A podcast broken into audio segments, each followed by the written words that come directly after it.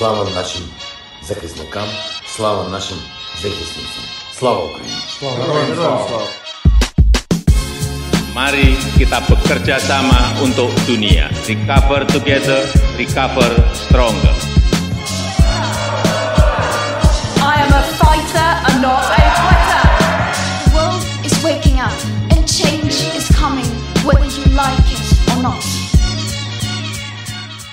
Selamat datang kembali di wajah baru dari podcast Bebas Aktif. Kita udah di season ketiga, season yang baru, wajah yang baru juga. Kalau kalian biasa dengerin kita di Spotify audionya doang, itu kurang seru ya kayaknya karena pelaku-pelaku utama, tersangka-tersangka utama opini kontroversialnya nggak kelihatan. Sekarang kelihatan nih sebenarnya siapa itu Mas Sofwan Albana, siapa itu Ikhlas Tawazun ya, yang opini-opininya sering menjadi key opinion leader mungkin ya sekarang. Ya, tapi ini bisa jadi kabar baik atau kabar buruk. Nah, Ah, itu kabar baik mas karena ada yang komen katanya audio kita nggak cocok sama mukanya sebenarnya. Oh, iya. Kalau saya interpretasinya bagus ya karena mungkin lebih ganteng mungkin. Iya, ya. ternyata lebih dari yang di Iya. sama denger gitu. ya atau lebih justru muda. sebaliknya. Lebih gitu sebaliknya. kan. Wah, gue jadi males nih dengerin gitu. Tapi kayaknya Nggak kita ya? dianggap lebih muda Oh, gitu. iya, iya. Mas kan suka gitu Iya. ya. Me- Ya, mencuri kita umur emang ya. harus optimis. Harus optimis. Optimis. Nah, Jadi Kalau karena kita udah nggak di audio doang, walaupun yang audio masih bisa kalian dengerin ya di Spotify podcast Be- bebas aktif, kalian bisa tonton kita di YouTube kontekstual YouTube channel kita karena nggak cuman podcast bebas aktif doang, ada konten-konten lainnya yang upcoming, ditunggu aja nggak kalah dalam, nggak kalah seru juga akan muncul di beberapa hari ke depan mungkin ya, gitu. Jadi subscribe dan nyalain notifikasi kalian, jangan lupa like juga kalau kalian suka. Iya. kalau lihat tombol lonceng, nah katanya Nah. kalau youtuber begitu kan. ada Nah, terus ada suara SFX-nya neng ah itu mungkin belum kita insert nanti ya Iya. gitu nah eh, without further ado eh, kalian mungkin melihat ada satu wajah baru di sini kita kedatangan tamu spesial ada Mas Faisal Karim Makasih ya Wis. teman-teman. Ini kalau di lingkungan Akademia Indonesia dikenal dengan nama Raja Scopus. Raja Fokus ya. Artikelnya luar biasa banyak. Ya, eh. buat dosen-dosen muda atau yang minat jadi dosen boleh belajar Faisal bagaimana menaklukkan Scopus. Mas Faisal Karim adalah editor dari Journal of ASEAN Studies dan sekarang aktif juga ngajar ya Mas di Ya. HI Binus dan UIII UI 3. UI 3 UI3. UI 3 UI Iya, Kuadrat. soalnya remnya ini apa nggak makan kalau bahasanya orang Jawa tuh. Jadi tadinya mau Oh. berhenti di satu i tapi I, I, untung nggak satu kota semua ya. ya tapi masih masih mungkin nggak transfer.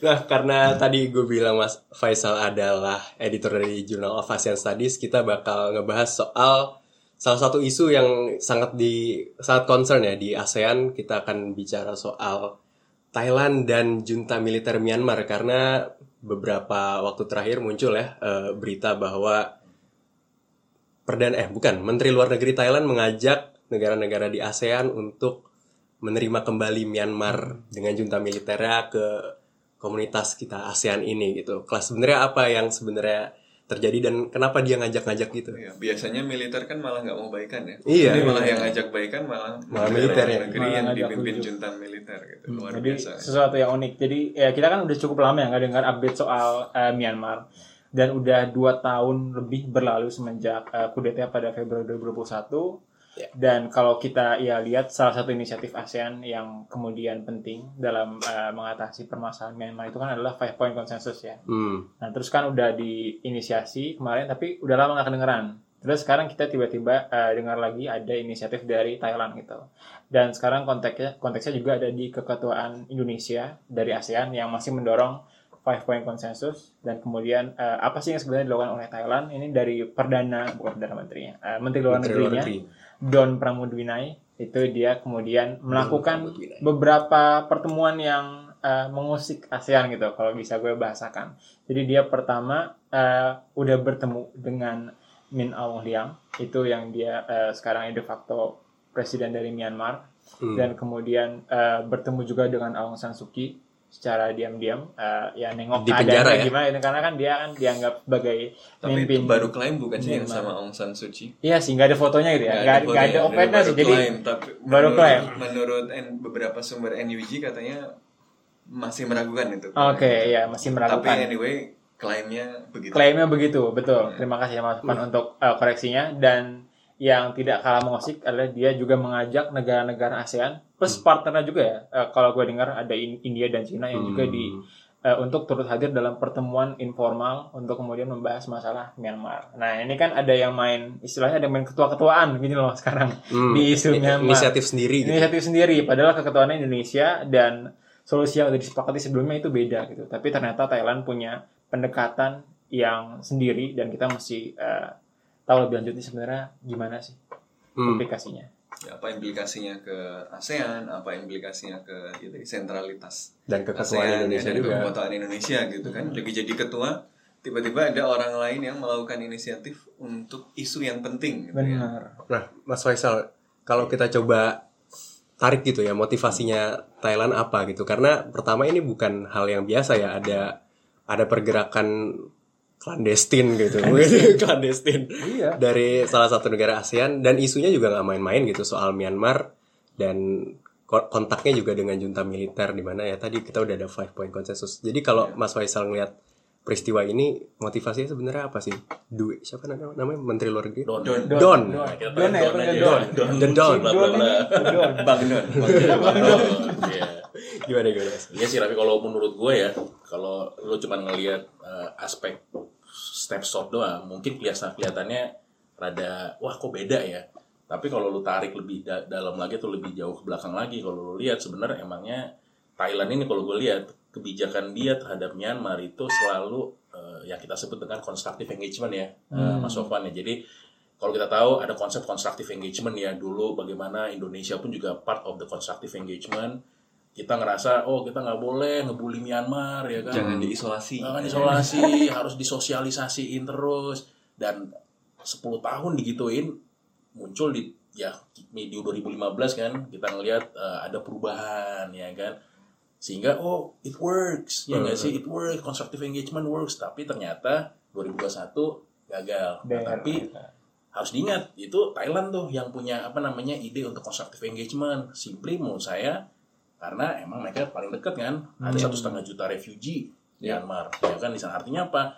Yang paling kena ruginya emang Thailand. Jadi Hmm. eh, dari awal memang kalau gue lihat ya constructive engagement itu emang part of their foreign policy toward Myanmar. Nah Hmm. kalau lo lihat juga tahun 2021 waktu terjadi ya kisruh ini ya eh, kudeta ini Thailand itu juga nggak se wow Singapura, Hmm. Malaysia ataupun Indonesia. Dia keep keep it really apa ya Realistik. realistic, Realistic. pragmatic, oke, gue dukung five apa point konsensus, tapi ini ini ini jadi gue ngelihat emang Thailand tuh main aman, simply karena mungkin geographically dia sangat Iya. dekat. Jadi menurut gue kalau dilihat emang kesannya motivasinya kok kesannya memang berbeda, tapi tapi sebenarnya at the core of their national interest, gue ngelihat it's just a continuation of what they believe. Kalau menurut gue, Hmm. Nah, ini menarik ini, poin menarik. belakang. Jadi bukan anomali justru. Ya, Justru ini adalah eh, kontinuitas. Justru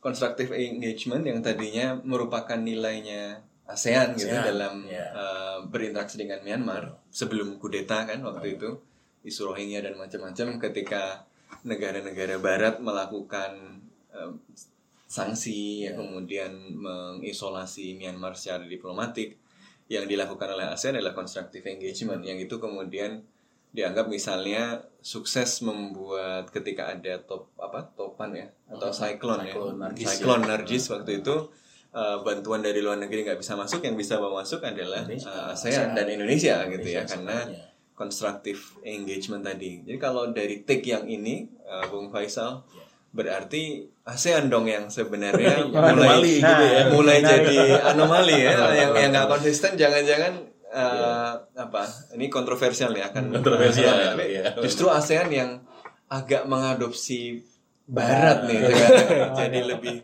lebih rules based gitu. Jadi Iya. Thailand lebih ASEAN daripada ASEAN cek. Wah nanti kita kita tanya sama Si kurang ASEAN. Bu Retno. Ya, menurut gua emang mungkin kalau dari sisi itu jadi kok kesannya ASEAN yang sekarang berubah gitu ya. Tapi kalau gua lihat juga sebenarnya yang fokus ASEAN itu bukan bukan di situnya kalau menurut gua, tapi lebih kepada timing pertama ya. Pertama timing, yang kedua adalah fakta bahwasanya ya tadi apa namanya 5P consensus itu kan menunjukkan adanya unity ASEAN ya kan. ASEAN udah memperjuangkan itu loh ya kan. Tapi bahkan Barat pun juga melihat itu sebagai suatu hal yang failed.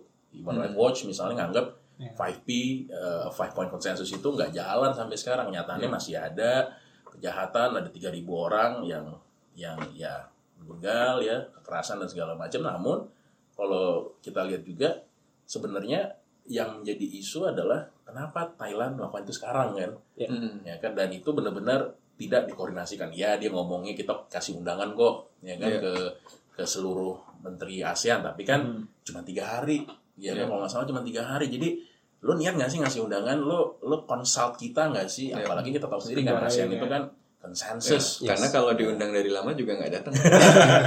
bisa jadi ya. Sorry udah ada kondangan. Gitu gimana? Jadi Gua emang udah harus ya poinnya mungkin menurut gue adalah ini menjadi membuat kesel beberapa negara terutama Indonesia ya Iya, karena iya. simply consultednya apa prosesnya itu nggak ada gitu kalau gue Padahal konsensus building, Yeah. konsultatif proses itu adalah nilai nilai ASEAN ASEAN ya kan? lama kan proses outcome ya kan itu Iya, iya. ASEAN fokus ke proses kan at the end of the day kan nah, proses itu ternyata Mm-mm. somehow nggak sesuai harapan Iya. kalau saya lihat sih gitu Jadi ada aspek ASEAN-nya tapi ada aspek yang nggak sesuai ASEAN juga, ya. Indonesia juga apa ASEAN juga five point konsensus kan sebenarnya juga sangat juga ASEAN ya. sangat ASEAN Karena konsensus. yang didorong adalah eh, Dialog. apa dialog ya. Se- sebelum ngomongin benar salah, hentikan dulu dong kekerasan terus ngomong. Nah, itu kan sangat ASEAN. Cuma memang gue kalau ngelihat eh, bisa dimengerti juga sih ya eh, Thailand itu. Mungkin dia apa eh, main media sosial itu apa donnya itu kan. Terus lihat meme eh, Albert Einstein yang nggak tahu kutipannya bener atau enggak kan hanya itu yang yang apa hanya orang gila yang mencoba Ah, cara yang sama. apa yang yang mencoba cara yang sudah gagal eh, dan berharap hasil yang berbeda gitu kan. Jangan-jangan dia habis lihat meme itu terus wah ini kalau five point konsensus nggak jalan-jalan nggak ada kan si Thailand apa si junta militer nggak take up itu secara serius ya eh, kekerasan masih berlanjut ya. Ya masa ya ditunggu terus ya dan berharap eh, saja kan nggak menyelesaikan masalah. Sementara berbeda dengan Indonesia yang jaraknya jauh dari Myanmar. Hmm, ya, gue ini ya, berbatasan ya, langsung gitu. Gue Ya, beda sama 2400 Singapura yang jauh. Gue beda sama Indonesia yang jauh gue itu berbatasan langsung gitu. Jadi apa yang terjadi di situ dampaknya ke gue juga gitu. Karena itu dia merasa uh, yang lain tuh stake-nya nggak sebesar saya gitu. Ya yang lain tuh stake-nya nggak sebesar gue Ka- kalian masih mencoba hal yang sama yang nggak berhasil gitu ya. Uh, tapi kok uh, melarang kita melakukan uji coba baru gitu. Tapi sebenarnya kan memang jalannya dua ya yang ya ad- ada kelompok-kelompok nih Thailand uh, dan beberapa negara di sekitar Myanmar yang mungkin lebih dekat yang pengen ya sudahlah realistis Iya, aja diundang lagi ya, apa tuh put in konteks kan uh, junta militer tidak diundang lagi ke acara-acara ASEAN. uh, ASEAN ya sebagai uh, tekanan sebagai hukuman lah ya atas eh, ketidakmauan dia untuk melaksanakan five point consensus. Jadi Ya. sampai melakukan five point consensus uh, belum dijalankan. Nah si Thailand kan kemudian mendorong ya kak ini nggak bisa memaksa orang nih gitu ya untuk kemudian mengikuti five point consensus. Nggak apa-apa kita realistis aja diundang lagi aja. Kalau nggak di engage kalau nggak diajak dialog malah lebih parah kita kehilangan kendali gitu ya atas apa yang terjadi di sana.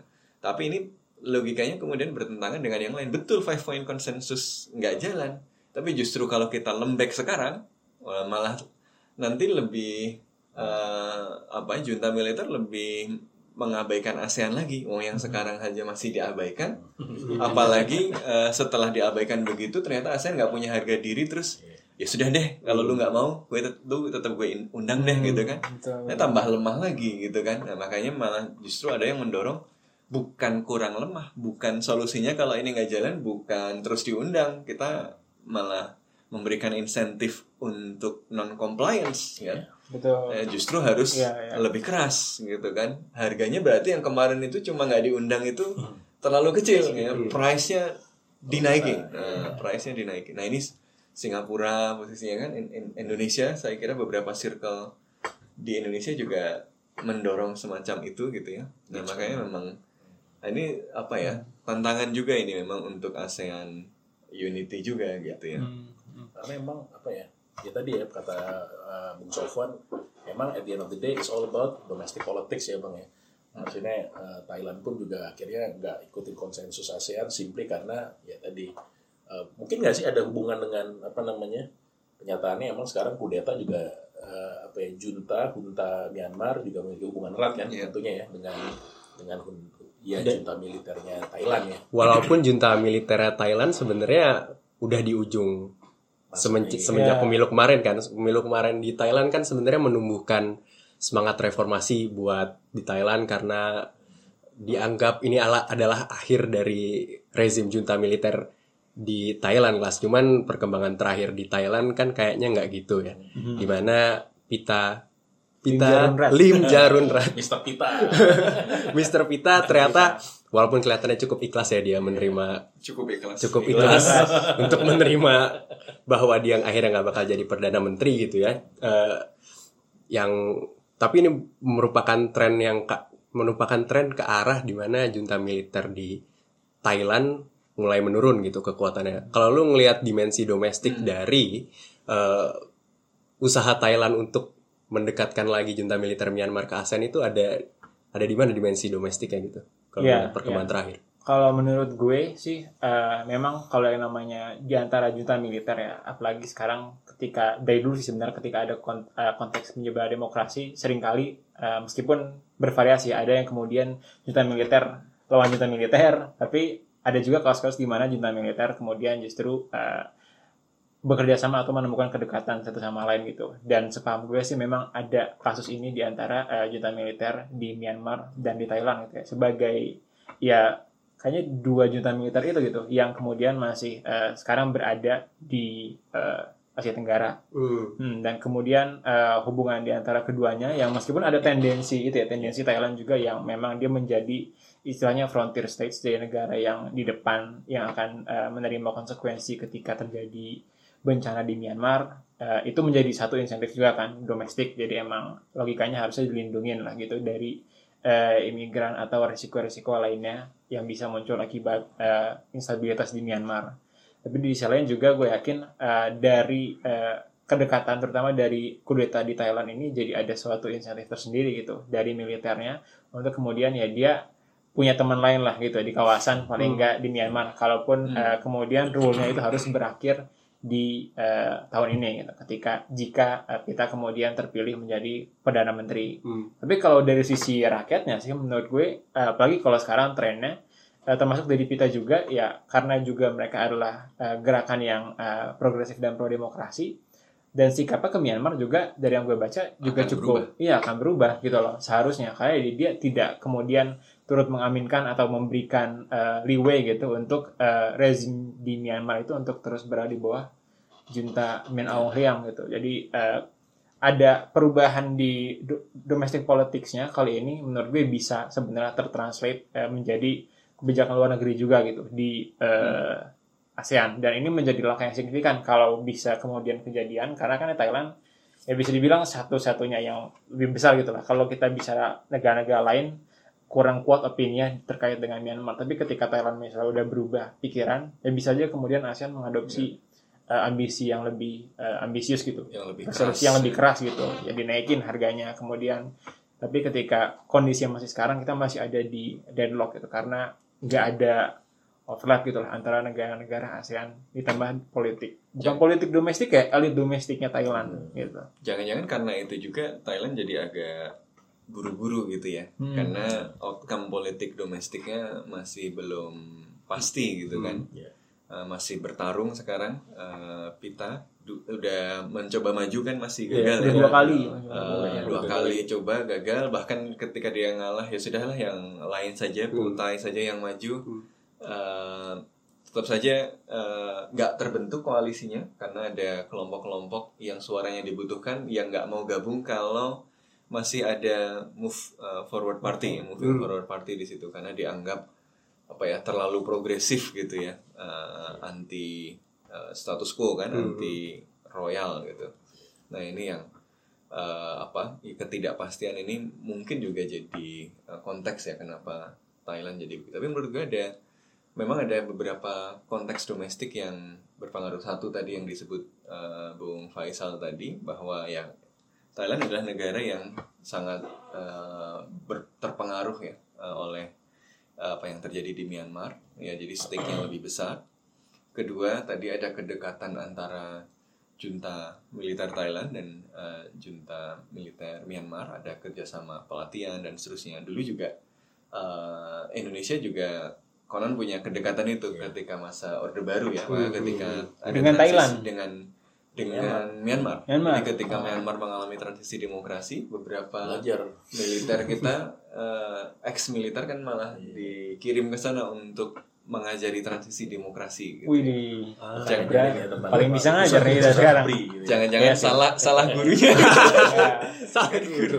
Guru kencing apa Berdiri, berdiri kencing murid kencing berlari. berlari. Nah, tapi kalau di, di Asia Tenggara kita emang leading kalau demokrasi loh. Nah, tapi Di Asia Tenggara. kemudian eh, menurut gue salah satu alasan lain juga ya tadi karena junta militer di eh, Thailand merasa eh, survival dari rezimnya juga bertautan dengan eh, sikap terhadap sikap ASEAN terhadap eh, rezim eh, Myanmar ini juga gitu. Oh iya benar juga. Karena kalau misalnya uh, ASEAN kemudian membuat presiden, ternyata ASEAN bisa keras loh, bisa melakukan intervensi loh, bisa melewati batas apa non interference gitu ya, norma non interference bisa kemudian mendorong perubahan di dalam politik domestik suatu negara dengan alasan uh, apa kekerasan terhadap masyarakat sipil, pengambil alihan uh, kekuasaan secara uh, tidak demokratis, gue bisa kena juga dong. Gitu. Betul.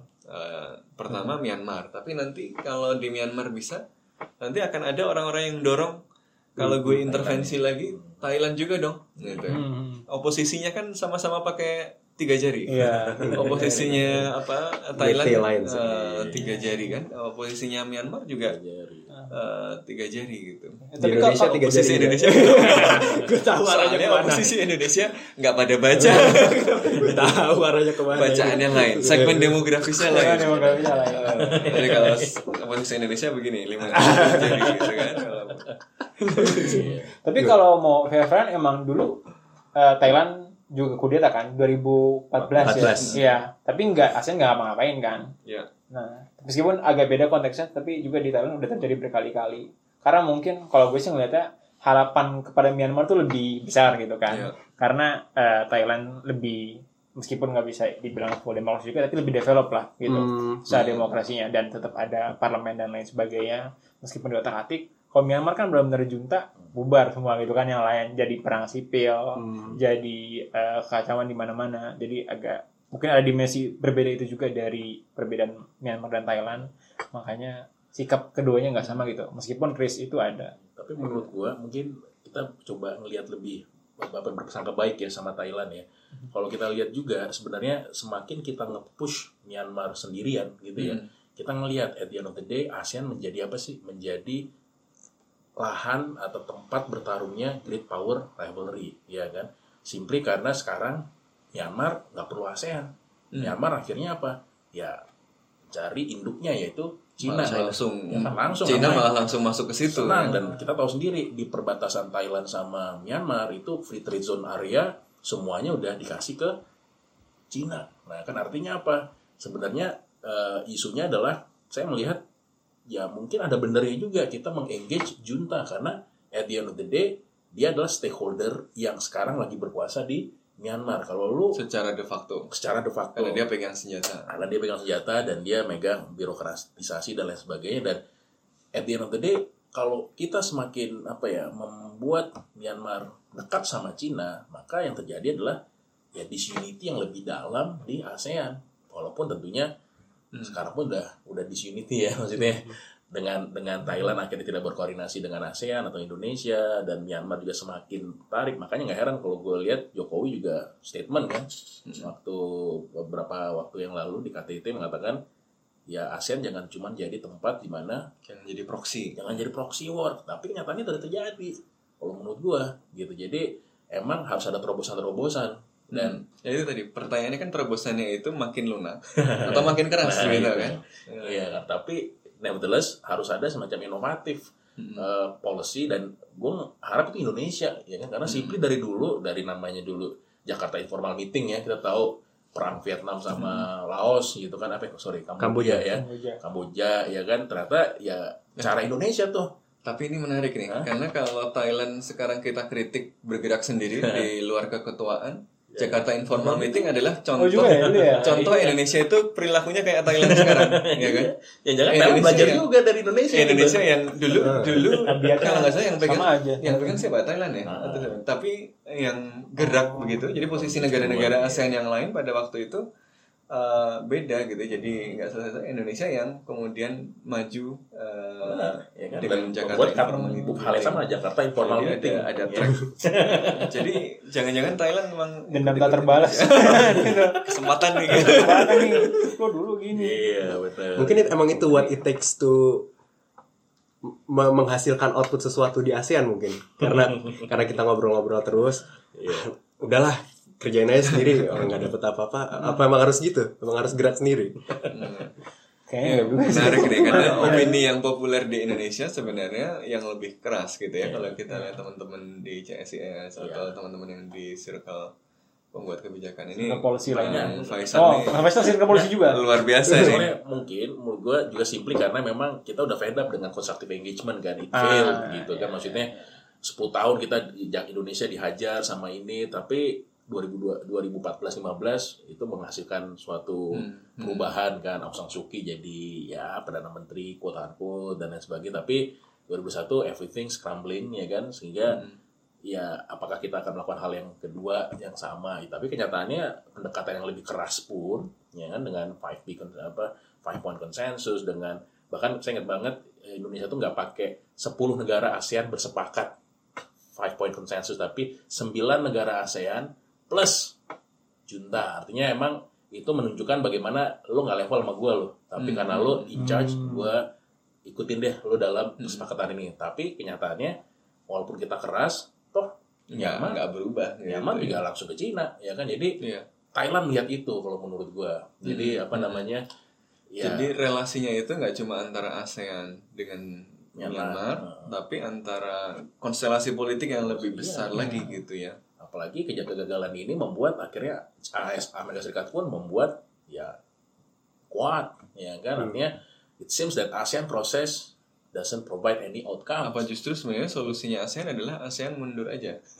Maksudnya, udah saya diam, saya eh, saya mundur ke eh, kursi belakang, Iya. gitu ya, karena ini eh, eh, problematik. Kita serahkan kepada siapa yang bisa menyelesaikan.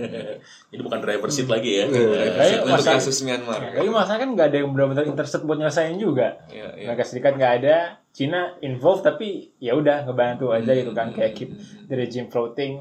Jadi sebenarnya kalau buat gue kadang-kadang dilemanya apa ya? Adalah sebenarnya goalsnya itu apa gitu. Maksudnya kan kalau bicara kalau kita bicara five point consensus berarti kan yang pertama nyelesain dulu dari eh, konfliknya gitu Ya, kan di dalam kekerasan dihentikan dulu, dihentikan. gitu.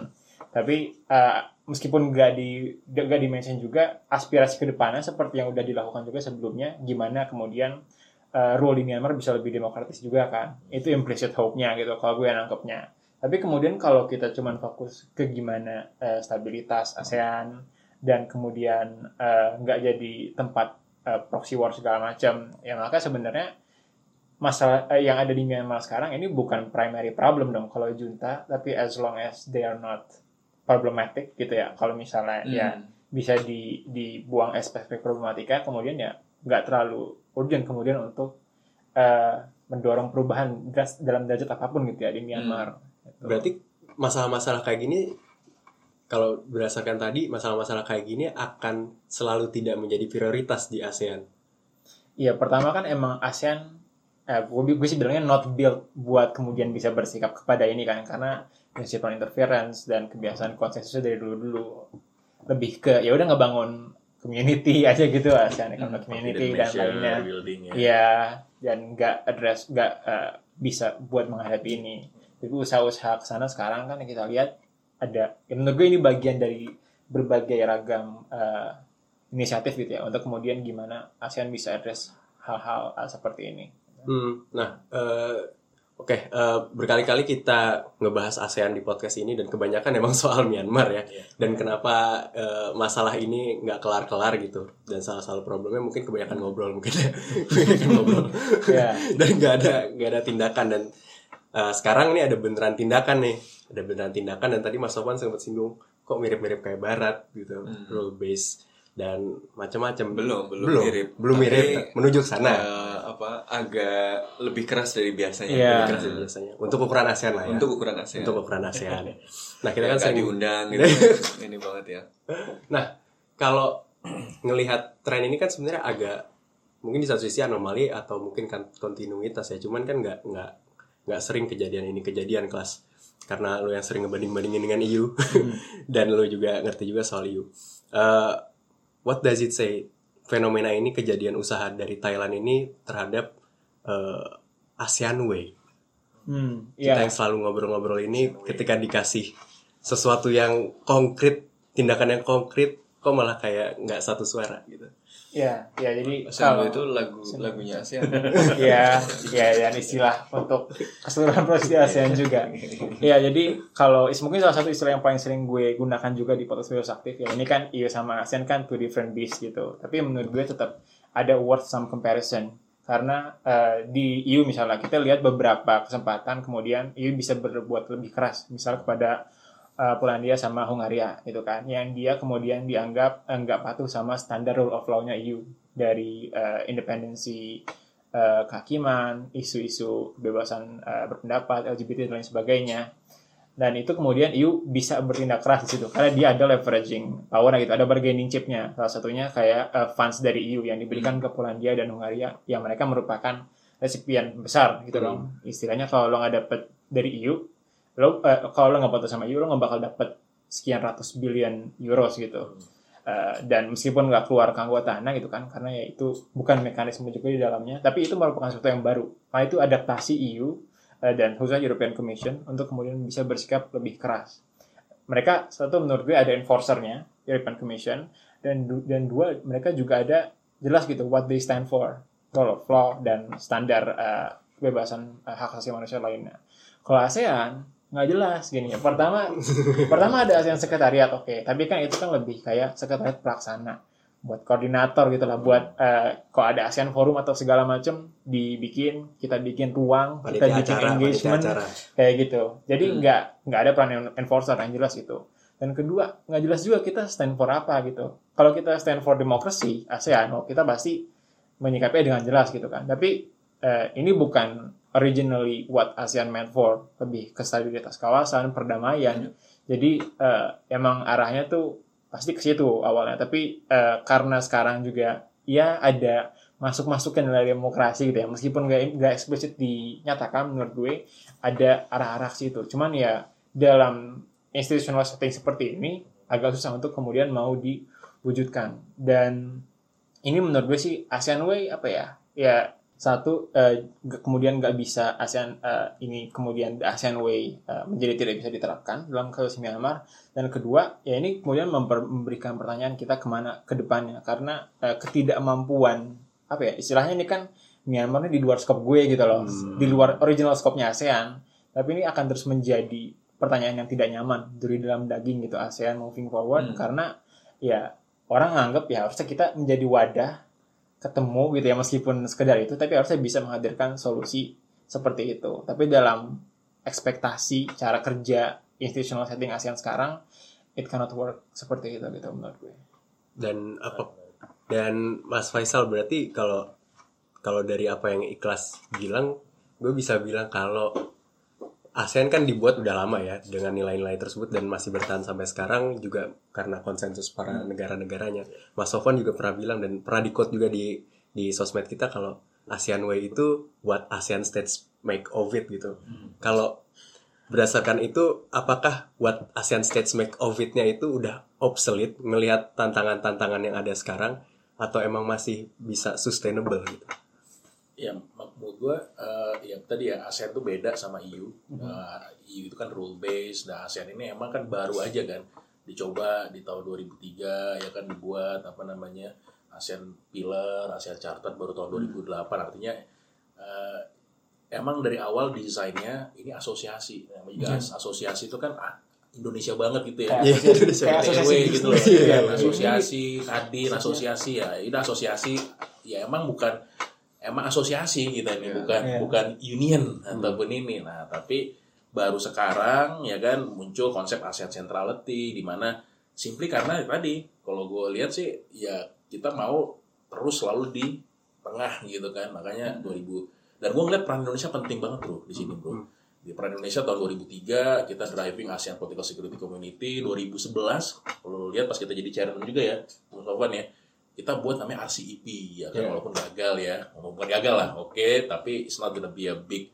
uh, free trade agreement tapi at least kita tuh menginisiasi sesuatu yang akhirnya mereinvent Iya. ASEAN gitu Biasa klasik ASEAN. Ya, nah, tahun selama kepemimpinan Jokowi kita lihat kan eh, mungkin inilah ch- chairmanship yang harus membuktikan apa ya sejauh mana legasinya Jokowi dalam memahami atau dalam apa ya dalam membuat ASEAN ini menjadi lebih relevan. Hmm. Makanya gue ngerasa kenapa akhirnya tema ASEAN sekarang itu ASEAN Matters. Epicentrum Terus of growth itu ah, kalau ASEAN Matters-nya karena tadi kegalauan kita nih penting matters nggak sih ASEAN? Hmm. Nah yang aspek keduanya biasanya orang yang ngomong gue penting loh itu udah mulai khawatir kan Ngapain gue? Gue ngapain ya? Pertanyaan das ASEAN Matters. Ini jawab ASEAN Matters. kan? Jawabnya retorik dulu, belum praktiknya gitu. ASEAN Matters. Benar. Implementasinya nanti lihat. Iya kan. Nah aspek keduanya kita lihat legasinya domestik banget ya kan, epicentrum of growth, ya post pandemic uh, world order dan segala macam. Jadi menurut gue sih ya mungkin ini legasinya Jokowi ya sejauh mana dia mampu men-shape ASEAN to come kalau gue lihat sih. Mm, mm. Gitu. Tapi kalau menurut gue memang eh, kita ha- harus berpikir tidak hanya soal legacy satu orang presiden sih ya, tapi memang ini tantangan untuk ASEAN secara umum. Tapi gue mau balik lagi ke tadi perdebatan soal ASEAN itu harus jadi lebih rules based sehingga kemudian bisa melakukan sesuatu soal Myanmar gak sih gitu. Menurut gue kalau counterfaktualnya bahkan kalau ASEAN lebih keras pun tadi dan lebih rules based juga belum tentu juga gitu. Eh, jadi kita ini apa kadang-kadang ada asumsi seperti itu juga kalau kita lebih kayak African Union bisa freeze membership dari anggotanya yang melanggar terus eh, sikapnya berubah belum tentu juga gitu ya sikap. Eh, bahkan sanksi yang lebih keras kayak buat Rusia pun it's not changing the geopolitical calculation gitu kan. Jadi memang apa eh, eh, bukan hal yang sederhana gitu ya. Terus eh, soal eh, apa ASEAN tadi kok nggak kayak nggak punya panduan? Tapi menurut gue poin justru yang poin yang penting itu itu. ASEAN uh, bukan supranational organization. Jadi dia memang tidak bergerak berdasarkan penyerahan sebagian kedaulatan dari negara-negara.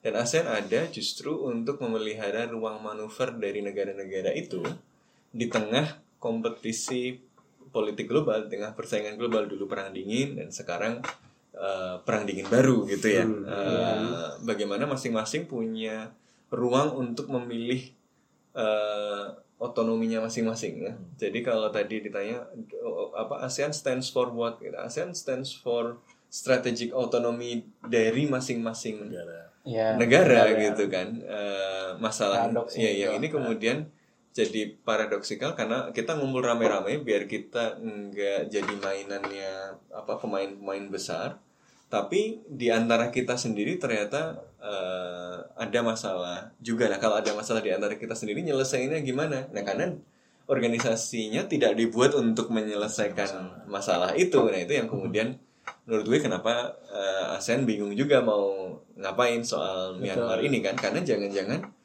memang itu di luar tupoksi gitu. Ya, Iya, kalau kita benar, tanya kalau ASEAN ini PNS eh, dia nggak akan kerjain oh di luar tupoksi saya gitu kan. Oh yang kerjaannya sendiri aja ditinggal Beyond my gitu kan. pay grade.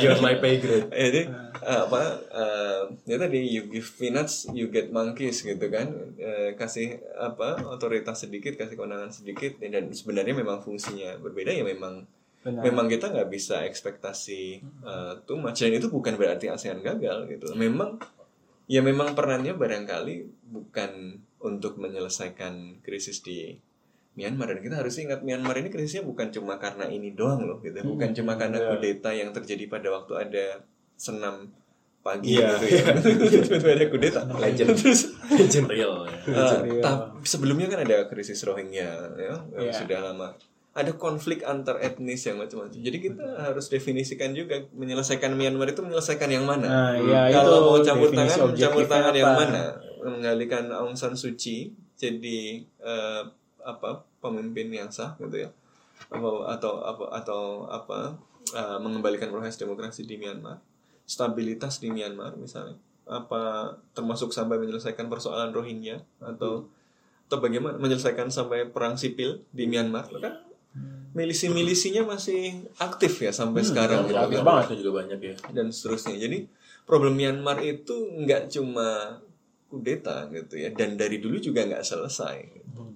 Ini jadi eh, kemudian jadi isu yang berat di ASEAN karena ada harapan yang berlebihan kepada Betul, ASEAN. ekspektasi. Karena konteksnya adalah negara-negara besar ini melihat ASEAN ini institusi yang perlu diperhatikan nggak sih gitu kan terus ASEAN terus mereka menjadikan Myanmar sebagai ini gue bisa sejauh mana eh, misalnya main-main di Asia Tenggara nih. ASEAN ini cukup united nggak nah, ASEAN ini bisa ini nggak oh ternyata ASEAN nggak bis nggak reliable nih gue bisa jalan sendiri aja gitu Iya, ternyata iya, ASEAN. iya. jadi eh, dia menjadi apa ya jadi ada ekspektasi yang yang besar tadi sebenarnya ya karena ada konteks yang lebih besar juga yaitu eh, persaingan geopolitik dan ekspektasi tentang peran ASEAN di dalamnya.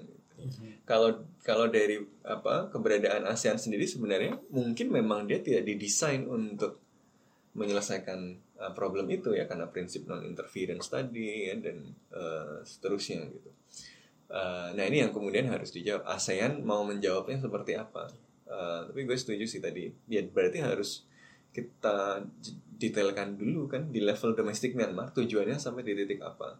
Lalu di level ASEAN tujuannya apa? Misalnya eh, kalau kita mendapatkan solusi di eh, tingkat domestik Myanmar, harga yang harus dibayar di level institusional regional itu seperti apa? Itu kan eh, yang yang kemudian harus didefinisikan dengan jelas. Misalnya kita lebih keras eh, kepada Myanmar, junta kemudian marah, kemudian keluar, kemudian mendekat ke Cina. Apakah itu harga di level institusional regional yang kita siap bayar kalau kita mau jadi lebih keras untuk mendorong Myanmar jadi eh, apa? Kemudian mau tunduk pada five point consensus misalnya. Nah ini trade off di level domestik Myanmar dan di level regional ini yang menurut gue kita belum eh, definisikan dengan jelas karena normatif tadi apa kita masih mendefinisikannya eh, secara normatif gitu. Nah ini yang perlu lebih eh, hitung-hitungannya perlu lebih eh, dingin gitu ya. dan menaruh eh, ajakan Menlu Thailand untuk mengikut sertakan kembali junta militer Myanmar kalau kita taruh dalam konteks itu rasanya kok jadi oh iya ya kenapa nggak diikut sertakan aja gitu karena ya tadi karena emang bukan build untuk menyelesaikan masalah kayak yang di Myanmar Hmm. itu gitu jadi Iya. ya ngobrol Tapi aja timing, sekali timingnya nggak Timingnya. pas, caranya nggak- Heeh. nggak pas. gitu Iya, ya. kan Kalau- kan Hmm. sekarang konteksnya keketuaan Indonesia Hmm. yang tanda kutip ya lebih pro demokrasi gitu lah. Nah, mungkin Hmm. bisa lebih gampang kalau misalnya tahun depan kan Laos ya. Nah, itu bisa kalau pas bisa Laos jadi- aja gitu Iya, lebih gampang itu dan sekarang lagi peak.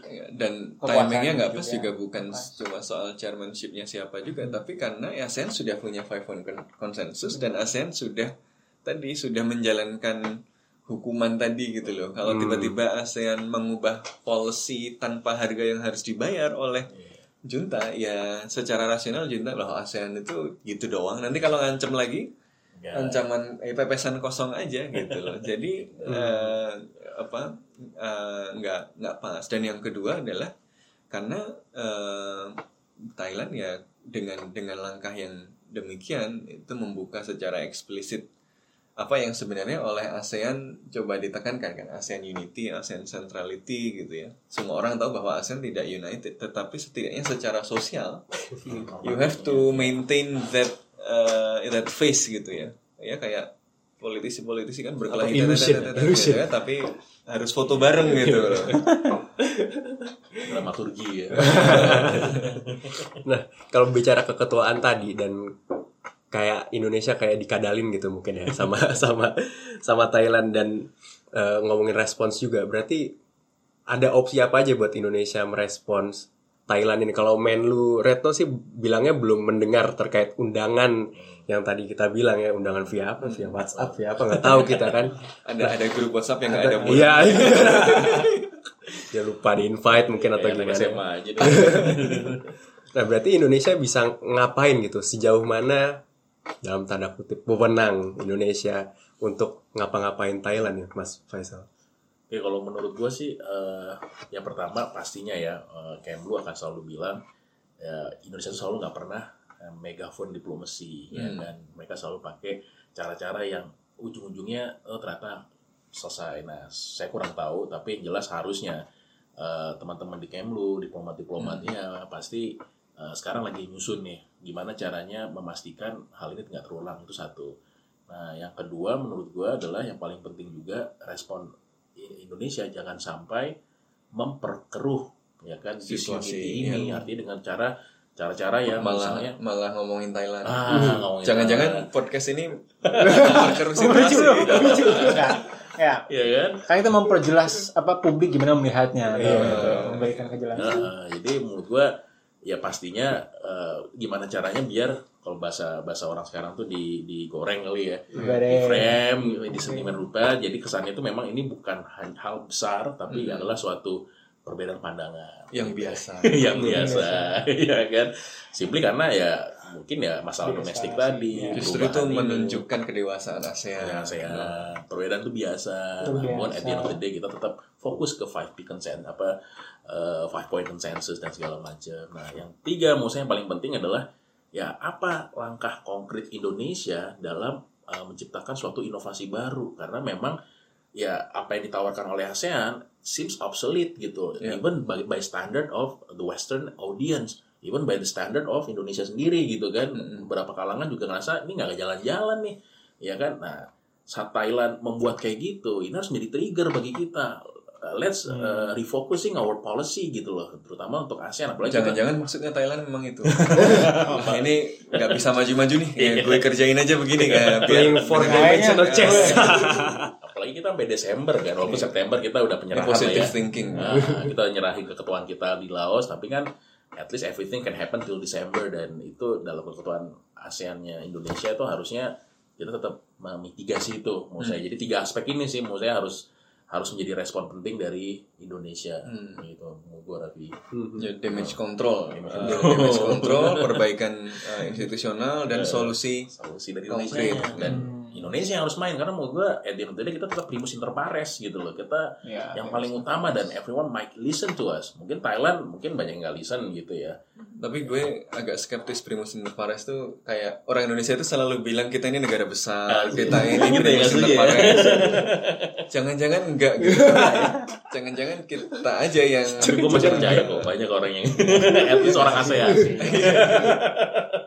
Ya, ya, ya. Nah, benar-benar kalau kalau kalau kita lihat eh, fenomena terakhir ah, perbedaan eh, perilaku dari Thailand dibandingin negara-negara ASEAN lain kan sebenarnya kita juga bisa meref- merefleksikan terkait ah, eh, unity-nya ASEAN gitu dalam berbagai tantangan. Kita ada sempat ngebahas juga soal AUKUS dan ternyata Ya. eh, sikapnya nggak sama gitu ya Indonesia, Singapura dan lain-lain kita nggak satu suara dan ada tantangan-tantangan lain geopolitical eh, di Rusia dan Ukraina juga yang membuat ASEAN kayaknya perlu perlu apa ya re- regrouping lah aduh ngobrol yang lebih serius lagi gitu. Nah kalau menurut kalian nih eh, siapa ya siapa yang mau ngomong terserah nanti.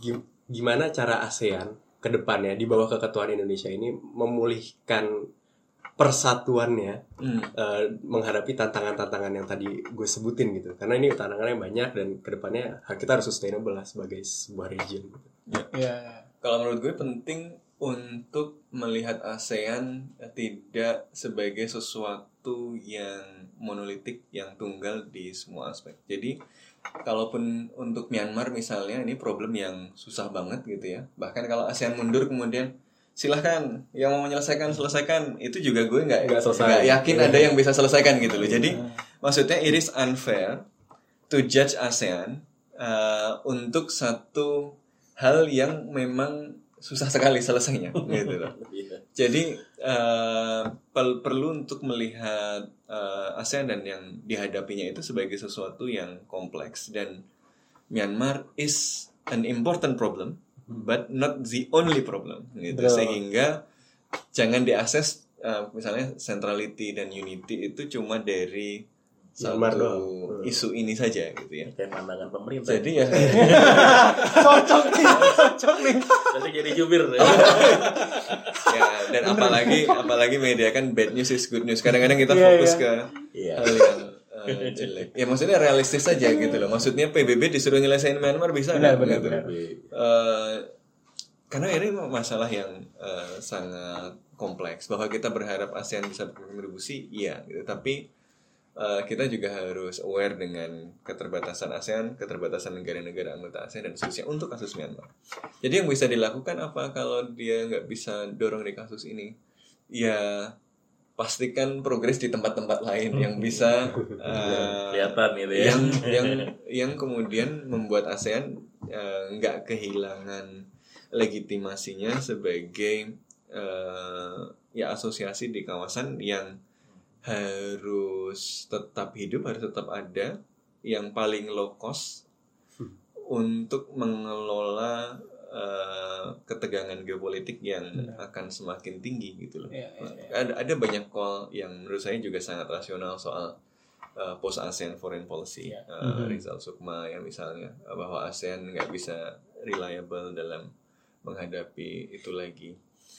Tapi uh, apa ya uh, kemudian alternatif untuk ASEAN ini yang seperti apa gitu apa kemudian kita ya sudah kita tegas saja uh, masing-masing punya preferensi aliansi dan partnership dengan great powers misalnya. Eh, ini kan sesuatu yang eh, mungkin eh, justru akan memunculkan risiko instabilitas yang lebih tinggi ya. Dengan segala keterbatasannya, ASEAN itu setting the normative complexes gitu. Menurut gue sentralitas ASEAN itu ada tiga hal kan. Eh, sentralitas narasinya gitu ya ba- banyak orang percaya wah ASEAN tempat ngomong doang gitu ya. Tapi ngomong itu menurut gue tetap uh, Perlu. penting karena itu cerita yang kemudian membuat orang menyesuaikan. Bahkan misalnya Amerika Serikat masih tetap ngomong ASEAN centrality, India bicara ASEAN centrality dan seterusnya. Yaitu mungkin diplomatic fiction, ya, tapi itu menunjukkan bahwa ada sentralitas narasi yang kalau uh, yang yang kalau itu nggak ada, situation akan lebih worse karena uh, negara kemudian akan yakin bahwa satu-satunya pilihan adalah milih uh, salah Iya. satu dari great iya, powers betul. gitu. Walaupun negara sekarang harus secara real harus ditarik ke Cina atau ke Amerika, tapi selama ada narasi sentral bahwa ada ruang bebas yang namanya ASEAN yang dari situ kita punya uh, ruang manuver yang lebih luas itu ada ada normatif kompleks yang membuat kita lebih uh, apa ada ada pilihan yang sedikit lebih luas gitu ya. Jadi ada ada fungsi sosial di situ. Hubungan internasional itu ya social relations ya pada dasarnya dan naratif itu uh, kemudian menjadi penting. Makanya kalau kita lihat misalnya Jepang itu awalnya sangat containment sekali ketika bicara Indo-Pasifik misalnya. Tapi ketika ASEAN aktif membangun narasi soal Indo-Pasifik, Jepang melunak kan lebih inklusif ya, dari strategi jadi vision dan seterusnya dan seterusnya. Artinya eh, narasi itu matters gitu ya. Eh, dan keberadaan ASEAN itu penting untuk menjaga itu bahwa eh jangan great power riv- rivalry doang dong, jangan power politics doang dong gitu ya. Dengarkan suara-suara yang lain dong gitu. narasi itu penting ya. Konferensi Asia Afrika mungkin secara material nggak ada pengaruhnya, tapi dia setting the narrative yang kemudian ya punya dampak signifikan juga untuk uh, international uh, order untuk international politics. Satu itu. Jadi fungsi ASEAN satu adalah membangun narasi sentral yang uh, memitigasi risiko uh, great power politics tadi dan instabilitas yang dibawanya. Soal de facto-nya seperti apa itu uh, ya ada itu tantangan tersendiri. Tetapi Iya, narasi itu sendiri tetap harus dipertahankan. Kemudian yang kedua ya tadi normatif uh, kompleksnya gitu ya. Uh, makanya ada dorongan misalnya ASEAN untuk uh, kemudian mendorong TAC jadi lebih luas, kemudian apa Southeast Asian weapons free uh, nuclear weapons uh, free zone gitu ya untuk kemudian bisa diadopsi oleh uh, negara-negara uh, mitra yang lain ya. Oke, uh, ada basis logika uh, sentralitas di situ ya. Jadi sentralitas narasi, sentralitas normatif dan sentralitas uh, institusional. Mungkin yang nggak realistis di sentralitas institusional gitu ya, tetapi di sentralitas uh, narasi dan sentralitas normatif uh, ASEAN itu matter. Nah, kalau tadi Hmm. pertanyaannya uh, matter atau nggak matter gitu ya. Uh, Kalau ini kan kesimpulan ASEAN itu meter, bukan di awal bilang ASEAN meter. Ta- tapi kesimpulan yang tidak fix karena dia selalu socially Iya. contested. makanya ya harus harus diperjuangkan. Jadi kalau tadi apa pertanyaannya adalah jadi ASEAN harus gimana? Ya ya kita harus realistis menerima bahwa problem Myanmar ini problem yang sulit. Tapi ASEAN eh, memang harus menjalankan apa yang harus dia jalankan gitu loh. Jadi quest quest di Myanmar gagal tapi quest ASEAN sendiri yaitu harus jalan gitu. Itu yang yang kemudian harus diperankan makanya Indonesia ya memang harus cari terobosan terobosan untuk memastikan eh, sentralitas narasi dan sentralitas normatif ASEAN Hmm, hmm. di kawasan tadi selain ya mencoba mendorong eh, apa sentralitas institusional gitu ya Hmm, ya, ya. Ya. Mas Faisal, final thoughts mungkin eh, Iya.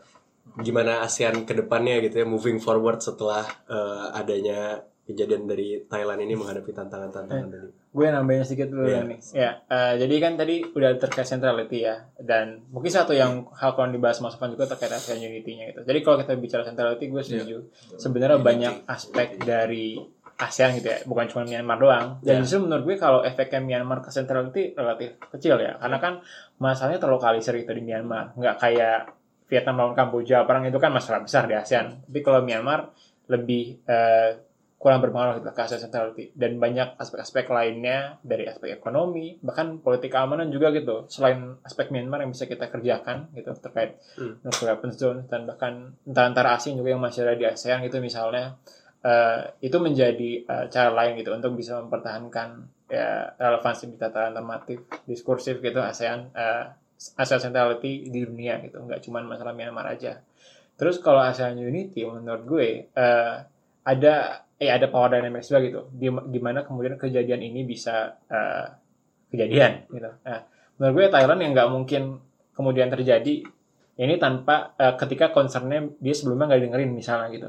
Kalau ketika eh, resolusi ini keluar dan yang dominan adalah eh, dan ditambah keketuaan Indonesia gini kan eh, rasa-rasanya pengen lebih kemudian memberikan posisi yang lebih keras dan kemudian posisi itu yang kemudian prevail di five point consensus gitu eh, dalam menanggapi masalah Myanmar. Ini kan berarti bisa jadi ada perasaan eh Thailand nggak didengar gitu kan. Akhirnya dia ya gue jalan sendiri aja. gerak Iya, sendiri iya, iya, iya, iya. Nah, dan kemudian gimana kemudian bisa mempertahankan ASEAN Unity menurut gue? Ya emang ketika udah suatu eh, ya damage has been done gitu kayak gini kan. Yang pertama tadi damage control satu, tapi yang kedua menurut gue move forward aja ke selanjutnya gitu ya. Ke On to the next quest. Iya, bukan on to the next on to the next progress kalau menurut gue Ah. itu kan. Karena kan ASEAN yang penting progress kan, bukan result.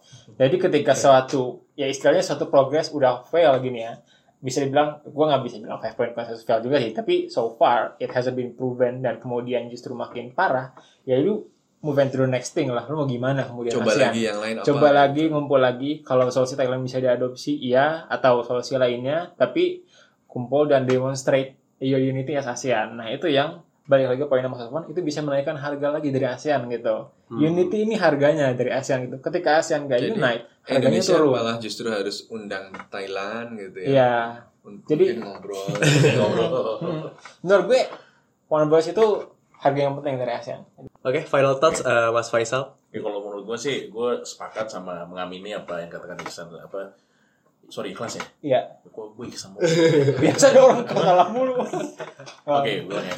gue menyemangat mengamini ya ikhlas sama Bung Sofwan yang ya ASEAN itu is big eh, is too big to fail ya kan to fail, di end of the day ya orang yang nggak suka sama ASEAN ya nggak penting dan segala macam ya begitu juga dengan PBB begitu juga dengan Uni Eropa begitu juga dengan banyak hal yang emang tidak bisa mencegah semua masalah gitu kan. Tapi poin gue adalah gue sepakat banget sama Bung Sofwan tadi bahwasanya kadang eh, yang namanya platform ngomong ya kan itu penting. Apalagi dalam konteks eh, yang sekarang penting menciptakan namanya demok apa ya elit eh, diplomatic culture nah ini salah satu artikel gue ngomong itu bang Luar biasa. Luar biasa. elit ngomong sama dia pokoknya langsung ngomongin artikel biasanya. Jadi kalau ngobrol laka, oh ini artikel di sini, artikel di sini gitu. iya benar karena ya Gue jadi lihat langsung BKD gitu. Jadi Agustus ya. ya diplomatic culture itu penting dan somehow eh, ya ASEAN ini platform yang sangat bermanfaat sekali membangun diplomat apa diplomatic culture itu dan gue ngerasa walaupun kesannya nggak penting nggak efek langsung tapi elit at the end of the day kan yang yang menguasai keputusan gitu kan. Hmm. nah tatkala diplomatic culture di elit udah sama ini gue yakin sih ya isu-isu banyak hal ya itu bisa terselesaikan. Banyak lah walaupun ya nggak semua. Nah, itu yang pertama. Yang kedua gue sepakat juga sama ikhlas bahwasanya eh, apa namanya ya harus move on. Bahwasanya ASEAN itu nggak cuma masalah Myanmar gue sepakat banget. Ya itu itu kelemahan kita tapi kan masih banyak yang lain ya kan? Masih banyak ASEAN apa ya eh, plan on integration ya kan? ASEAN integration apa namanya plan ASEAN community dan segala macam. Dan itu mungkin lebih berimplikasi banyak ya kan? Nah jadi menurut gua ASEAN at the emang fragmented. Akan selalu fragmented dan dan apa ya compartmentalized Compartmentalized. Nah, kalau itu artikel gue. Gue baca ya kan? Compartmentalized bukan berarti gagal di satu gagal semua. Karena masih banyak uh, hal yang lain yang bisa menciptakan ya kemakmuran lah bagi kita semua. Atau mungkin public goods ya. Jadi Hmm. lebih kan yang namanya ASEAN itu kan fungsi untuk menciptakan public goods dan gue yakin public goods yang diberikan ASEAN itu banyak banget. Jadi final thought gue itu. Really really good closing dari Mas Faisal dan Jadi percayalah pada ASEAN. Ini kayaknya kita harus jadi konsultan sekalian nih. Deket nih. ya juga ini udah jadi satu policy brief Iya.